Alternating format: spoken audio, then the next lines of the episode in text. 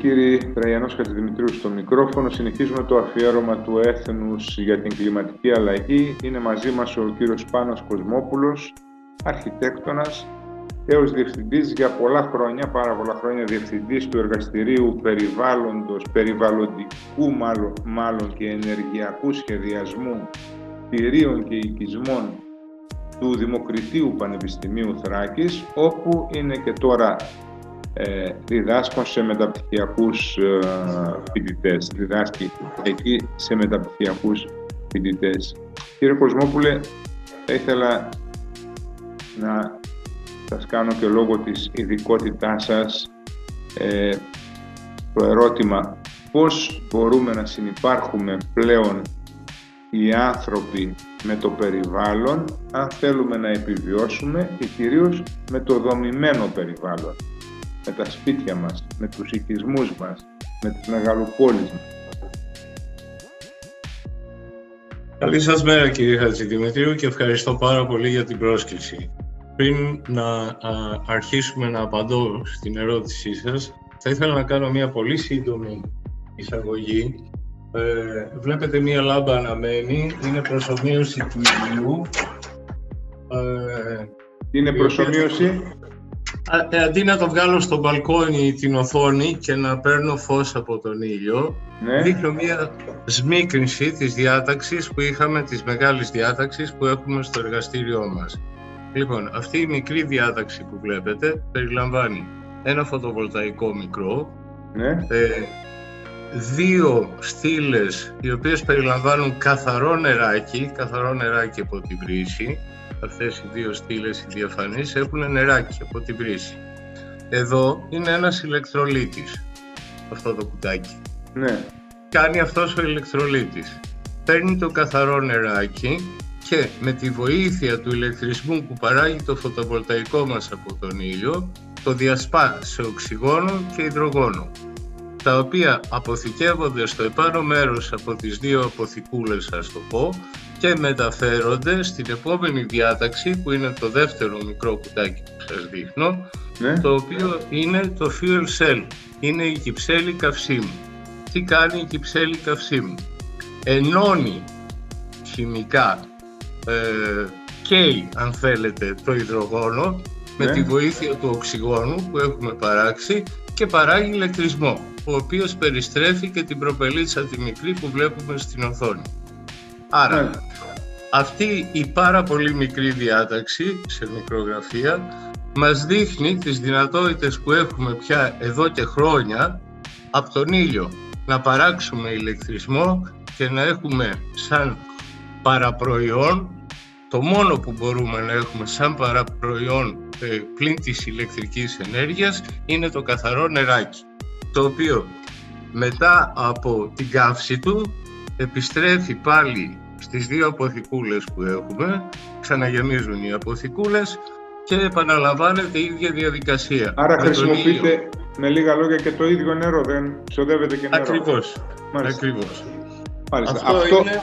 αυτό το μοντέλο, δηλαδή αν το κάνουμε σε μεγάλη κλίμακα, μας λέτε ότι είναι ένας τρόπος να ε, παράξουμε ηλεκτρισμό σε μικρή κλίμακα; Όχι, σε, όσο, σε όση κλίμακα θέλουμε. Ήταν ε, ναι, αυτός ο ηλεκτρισμός ας πούμε θα ήταν χρήσιμος για μια βιομηχανία; Ε, και πολύ περισσότερο και για μια ολόκληρη πόλη. Σας δείχνω τη φωτογραφία του Ιουλίου Βέρν, ο οποίος 1874 σε δύο βιβλία του, 1874 κύριε Χατζηδημητρίου, σε δύο βιβλία του στο «Πέντε εβδομάδες σε ένα αερόστατο» και στο «Η μυστηριώδης νήσος» αναφέρει το εξής. Ε, μετά από λίγα χρόνια δεν θα χρησιμοποιούμε το κάρβουνο, το λιγνίτη ή το πετρέλαιο σκάφσιμο, αλλά το καθαρό νεράκι. Πέφτουν κάγκελο οι συνομιλητές του και εξηγεί ότι θα το διασπούμε σε υδρογόνο και οξυγόνο και θα έχουμε ένα καθαρό καύσιμο. Ε, αυτά προς γνώση και συμμόρφωση. Εγώ νόμιζα ο Ιούλιος Βέρν έγραφε μόνο βιβλία για τα παιδιά, γιατί αυτά τα βιβλία που λέτε τα διάβασα παιδί. Το θυμάμαι. Μια δερματόδετη κόκκινη έκδοση. Το είπατε πάρα πολύ καλά και εγώ τα ίδια βιβλία έχω κρατήσει από τότε, αλλά τα ξαναδιάβασα σαν επιστήμονας ειδικευμένος πια σε αυτό το αντικείμενο. Και βέβαια μένουμε όλοι έκπληκτοι πως μια τέτοια ιδιοφία θα έλεγα μπορούσε από τότε ε, να σκεφτεί το ότι θα μπορούμε να έχουμε ενέργεια χωρίς να ρηπαίνουμε το περιβάλλον. Τώρα, ε, έρχομαι στο ερώτημά σας. Ακριβώς. Ε, έχουμε πολλά προβλήματα ταυτόχρονα. Πώς μπορούμε να συμβιώσουμε με το δομημένο περιβάλλον σήμερα και ταυτόχρονα να προστατεύσουμε το μέλλον μας από αυτό που λέμε κλιματική αλλαγή και κλιματική κρίση. Το είπατε πάρα πολύ καλά και είναι πολύ ωραίο και κέριο το ερώτημα γιατί το Σάββατο που μας έρχεται είναι Παγκόσμια ημέρα ε, δράσεων για την κλιματική αλλαγή. Λοιπόν, ας ξεκινήσουμε από την έννοια της κλιματικής αλλαγής, δύο λογάκια, δεν είμαι ο απόλυτα ειδικός.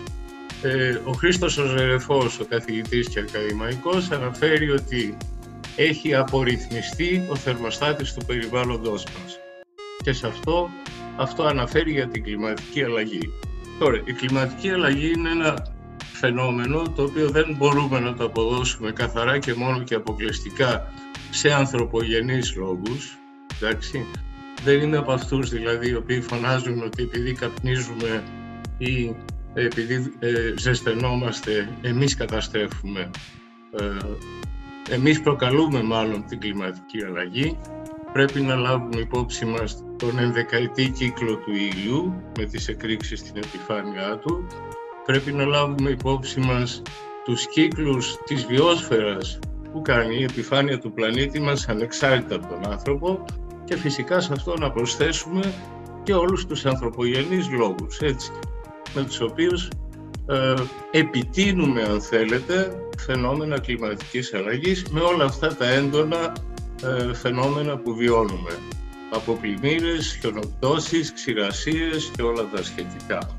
Όλα αυτά επηρεάζουν πάρα πολύ ε, το ανθρωπογενές περιβάλλον, δηλαδή τα κτίρια μας, τις πόλεις μας, τους οικισμούς μας, ε, μεταφορές, επικοινωνίες, τα πάντα επηρεάζονται και δημιουργούν προβλήματα στις συνθήκες διαβίωσης των ανθρώπων.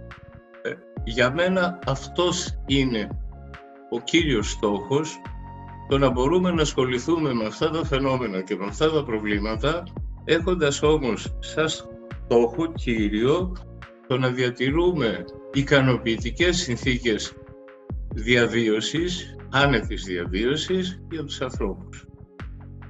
Ε, το κτιστό περιβάλλον, ας το βαφτίσω έτσι, τα τελευταία 150 χρόνια, το τελευταίο 1,5 αιώνα αν το θέλετε, έχει ξεφύγει πάρα πολύ από εκεί που είχαμε τα πετρόκτιστα κτίρια σε κάποιες περιοχές λόγω κλίματος, με μια τυχοπία από πέτρα 80, 90, εκατοστά, ένα μέτρο. Ε, πάρτε για παράδειγμα τα ζαγοροχώρια τώρα, έτσι. Ναι, ναι.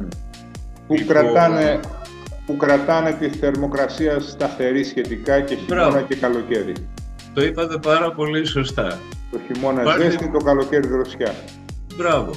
Πάρτε επίσης παράδειγμα ε, την νησιώτικη αρχιτεκτονική που έχουμε στα, στο Αιγαίο, έτσι, με τα λευκά τα σπιτάκια, με τα μικρά τα ανοίγματα, ε, τα οποία είχαν σαν ε, σκοπό, εντάξει και η άμυνα παλιότερα, αλλά είχαν σαν σκοπό να αποθούν ε, την έντονη ηλιακή ενέργεια, την πάρα πολύ ζέστη αν το θέλετε, να το πούμε έτσι, ε, και αυτά τα συναντάμε, τέτοια αντίστοιχα φαινόμενα, τα συναντάμε σε όλα τα μήκη και πλάτη του πλανήτη. Έτσι. Οι άνθρωποι προσαρμοζόντουσαν στις τοπικές καιρικέ συνθήκες και διαμόρφωναν τα κτίσματά τους Την αρχιτεκτονική ανάλογα, τους, ας πούμε, ναι. Μπράβο, ανάλογα ε, με τα υλικά που βρίσκανε στην περιοχή όπου ζούσαν. Δεν υπήρχαν τότε ούτε ε, containers να κουβαλάνε υλικά από την άκρη του κόσμου αλλά χρησιμοποιούσαν τα τοπικά υλικά και προσαρμοζόντουσαν στις τοπικές καιρικές συνθήκες.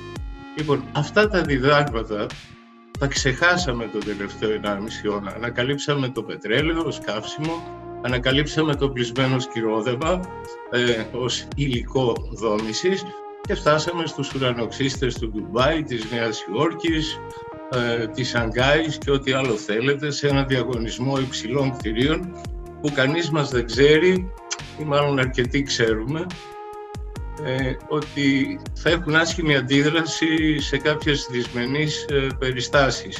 Σας θυμίζω ότι πέρσι στο Λονδίνο ε, ένας πύργος που φιλοξενούσε μάλιστα μ, χαμηλού εισοδήματος οικογένειες αν θέλετε, υποτίθεται ότι ήταν πάρα πολύ καλά μονομένος για το ψύχος της περιοχής, έτσι. Λοιπόν, με την πυρκαγιά καταστράφηκε ολοσχερός, υπήρξαν και πάρα πολλά θύματα και απεδείχθη ότι τέλος πάντων κάπως πρέπει να προσαρμοστούμε στις συνθήκες και τις καταστάσεις και να μην ε, θαυμάζουμε δεν και καλά αποκλειστικά τα νέα τεχνολογικά δεδομένα. Πώς ε, μπορούμε να συνδυάσουμε το να κτίζουμε σύγχρονα τα σπίτια μας, ε, το δομημένο περιβάλλον, ταυτόχρονα με μία, ας το πούμε έτσι, ε, ε, ενεργειακή στάση τέτοια που να οδηγεί σε οικονομία της ενέργειας. Ξέρω ας πούμε ότι ένα μεγάλο ποσοστό της ενέργειας που καταναλώνουμε το καταναλώνουμε για τα σπίτια μας. Ε, έχετε απόλυτο δίκιο κύριε Χατζηδημητρίου. Οι στατιστικές αναφέρουν ότι ας πούμε για παράδειγμα στην Ενωμένη Ευρώπη το 40% της ενέργειας πηγαίνει ε, για οικιακή χρήση. Το 40%? Το 40%. Εντάξει. Ε, δεν είμαι Είναι πολύ ψηλό ποσοστό. Είναι πάρα πολύ μεγάλο το ποσοστό, είναι πάρα πολύ μεγάλο. Ε, και λίγο λιγότερο να είναι, πάλι είναι πάρα πολύ ψηλό. Ε, μας αποδεικνύει ότι κτίζαμε λάθος. Θα το πω έτσι χοντρά χοντρά. Κτίζαμε λάθος συγκινηθήκαμε με τα πολύ μεγάλα ανοίγματα, συγκινηθήκαμε με, το, με τα νέα υλικά, ε, συγκινηθήκαμε με όλες τις σύγχρονες ανέσεις, οι οποίες όμως για να υπάρξουν χρησιμοποιούν συσκευές οι οποίες είναι πάρα πολύ ενεργοβόρες. Όλα τα σπίτια πια έχουν ηλεκτρικές συσκευές. Στην Ελλάδα έχουμε ένα μέσο όρο ε, 10.000 ε, κιλοβατόρες ετησίως ανά νοικοκυριό, που είναι ένα υπερβολικό νούμερο. Δεν λέμε να μην μαγειρέψουμε, δεν λέμε να μην φωτιστούμε, δεν λέμε να μην καθαριστούμε, δεν λέμε να μην δροσιστούμε, αλλά πρέπει πια οι σχετικοί με τον κλάδο της δόμησης να πάρουν υπόψη τους ότι μπορούμε να προσφέρουμε τις ανέσεις που χρειάζεται μια σύγχρονη οικογένεια, χρησιμοποιώντας όμως διατάξεις και συστήματα πολύ λιγότερο ενεργοβόρα. Ε, υπάρχουν αυτά; Υπάρχουν. Ε, τώρα θα περάσουμε από ό,τι ακούγεται και από ό,τι λέμε ε, όλοι, θα περάσουμε ένα δύσκολο χειμώνα που πάλι ίσως επιστρέψουμε σε πετρέλαιο, άνθρακα, φυσικό αέριο, λιγνίτη, σε μορφές δηλαδή ενέργειες οι οποίες ε, και κοστοβόρες είναι και εξαντλούνται ε, είναι ορυκτά καύσιμα τα οποία δεν θα τα έχουμε εφόρους ζωής του πλανήτη, έτσι. Αλλά αυτά είναι που πρέπει να μας κάνουν να σκεφτόμαστε ότι όσοι φωνάζαμε για τις ανανεώσιμες πηγές ενέργειας εδώ και πάρα πολλά χρόνια, τελικά είχαμε δίκιο και δικαιωνόμαστε δυστυχώς, δυστυχώς το τονίζω, με μια συγκυρία πολέμων, ε, οικονομικής κρίσης, ενεργειακής κρίσης, ε, να σκεφτόμαστε να χρησιμοποιούμε πια υλικά φιλικά στο περιβάλλον, συσκευές που, που ναι μεν προσφέρουν αυτά που χρειάζεται ο μέσος πολίτης, αλλά δεν υπερκαταναλώνουν ενέργεια. Υπάρχει, υπάρχει αυτό που θα λέγαμε ας πούμε ε, στη δουλειά σας πράσινα κτίρια, πράσινη δόμηση; Ναι, υπάρχει κύριε Το υπονοείτε αυτό, αλλά υπάρχει, μπορεί να να το ακολουθήσει κάποιος μηχανικός, κάποιος αρχιτέκτονας; Βεβαίως και ναι. Ε, χαίρομαι να λέω ότι οι απόφοιτοί μου ε, εφαρμόζουν τα διδάγματα ε, και όσα έχουν μάθει κοντά μου και μετά οι εξειδικεύσεις που κάνανε εφαρμόζουν πάρα πολλά. Δεν ξέρετε κάτι, το 100% δηλαδή το να πάρει ένα κτίριο ε, ε, μια επιβράβευση από κάποιον διεθνή οργανισμό ε, όπως τα LEED, τα BREEAM και όλα τα σχετικά Ε, ίσως δεν πρέπει να είναι ντε και καλά ο αποκλειστικός στόχος. Δεν χρειάζεται να στοχεύουμε ντε και καλά στο 100%. Ε, μπορούμε να στοχεύσουμε στο 80, στο 70. Ε, είναι μια φοβερή βελτίωση σε σχέση με τις υπερκαταναλώσεις που έχουν τα υπάρχοντα κτίρια σήμερα. Αν καταφέρουμε ε, να πείσουμε, αν θέλετε, τον ενδιαφερόμενο, τον πελάτη, εμείς σαν μηχανικοί, χωρίς να πολυπροβληματιζόμαστε, ας δούμε τα υλικά που υπάρχουν, ας μην κουβαλήσουμε τέτοια καλά μάρμαρο ε, από την Νότια Αμερική και ξυλία από την Κέντρο Αφρική, ας χρησιμοποιήσουμε τοπικά υλικά, ε, ας πάρουμε υπόψη μας τις μονώσεις, τις ε, διαθέσιμες στην αγορά. Ας πάρουμε υπόψη μας το ότι υπάρχουν τα φωτοβολταϊκά, υπάρχουν οι ανεμογεννήτριες, υπάρχουν οι αντλίες θερμότητος, ε, υπάρχει δυνατότητα αποθήκευσης πια, επιτέλους το ακούσαμε πρόσφατα, ότι θα μπορεί ένα νοικοκυριό να κάνει αυτοπαραγωγή ηλεκτρισμού με τα φωτοβολταϊκά που είδαμε προηγουμένως, να έχει πιθανότατα και μια οικιακή μπαταρία όπου να αποθηκεύσει τον ηλεκτρισμό και να τον χρησιμοποιεί ε, όταν δεν υπάρχει ήλιος. Όλα αυτά τα συστήματα, ε, ακόμη και αν δεν πετύχουν το 100% του ονείρου, ε, αν πετύχουν το 80% νομίζω ότι πρόκειται για ένα, ένα grand success που θα λύσει. Ε, για, μια, για μια επανάσταση. Μπράβο. Ειρηνική επανάσταση. Το είπατε πάρα πολύ καλά. Μια και είπατε ειρηνική επανάσταση σε σχέση με την κλιματική αλλαγή, ε, θα μου επιτρέψετε να χρησιμοποιήσω τον όρο που χρησιμοποίησατε. Μέχρι τώρα όλοι οι σχετικοί επιστήμονες του κλάδου γράφαμε, δημοσιεύαμε, ανακοινώναμε άρθρα, έρευνες, μελέτες σε περιοδικά, σε βιβλία και ούτω καθεξής, σε συνέδρια τα οποία βέβαια σπαταλούν φοβερή ενέργεια παγκοσμίως για να μαζευτούμε κάποιοι επιστήμονες σε μία πόλη του κόσμου και να κάνουμε τις ανακοινώσεις μας. Ε, είναι ένα άλλο κεφαλαιάκι αυτό. Αλλά, εν πάση περιπτώσει, τους τελευταίους μήνες σε, ε, και στην Αμερική και στην Ευρώπη οι επιστήμονες πια άρχισαν να κατεβαίνουν στο πεζοδρόμιο, οι σχετικοί επιστήμονες του κλάδου και να τυχοκολούν έξω από κυβερνία ε, να τυχοκολούν πια τις έρευνές τους για να ταρακουνήσουν τις κυβερνήσεις και να τους δώσουν να καταλάβουν ότι δεν ήταν απλά λογάκια το να μπορέσουμε να πετύχουμε ε, δομημένο περιβάλλον που να προσφέρει ε, και συνθήκες, ικανοποιητικές συνθήκες άνεσης στους κατοίκους αλλά και να λειτουργούν με ανανεώσιμες πηγές ενέργειας. Πάνω σε αυτό μπορώ να προσθέσω κάτι; Μόνο να προσθέσετε κάτι για να κλείσουμε. Μια λεξούλα και σας ευχαριστώ πολύ. Ε, ο Τζέρεμι Ρίφκιν, καθηγητής Αμερικάνος ε, και σύμβουλος πρόεδρων της Αμερικής, σε έχει γράψει το βιβλίο «Η οικονομία του υδρογόνου» που σχετίζεται με αυτό που έδειξα στην αρχή. Όταν επισκέφθηκε την Ελλάδα, εγώ ντρέπομαι να το λέω, αλλά το λέω συνέχεια στα μαθήματά μου, δήλωσε «Δεν κατανοώ πως η χώρα σας με τόσον ήλιο και ανέμους δεν είναι ανεξάρτητη από ρηκτά καύσιμα». Μάλιστα. Ντρέπομαι που το λέω. Κλείνουμε λοιπόν με αυτό που είπε ο Τζέρεμι Ρίφκιν και ελπίζω κάποια στιγμή το 45-50% που έχουμε τώρα να φτάσει στο 100%. Ευχαριστώ κύριε Κοσμόπουλο για αυτή την κουβέντα που είχαμε. Να είστε καλά. Σας ευχαριστώ πάρα πολύ κύριε Χατζηδημητρίου. Καλή δύναμη και καλή συνέχεια στο έργο σας.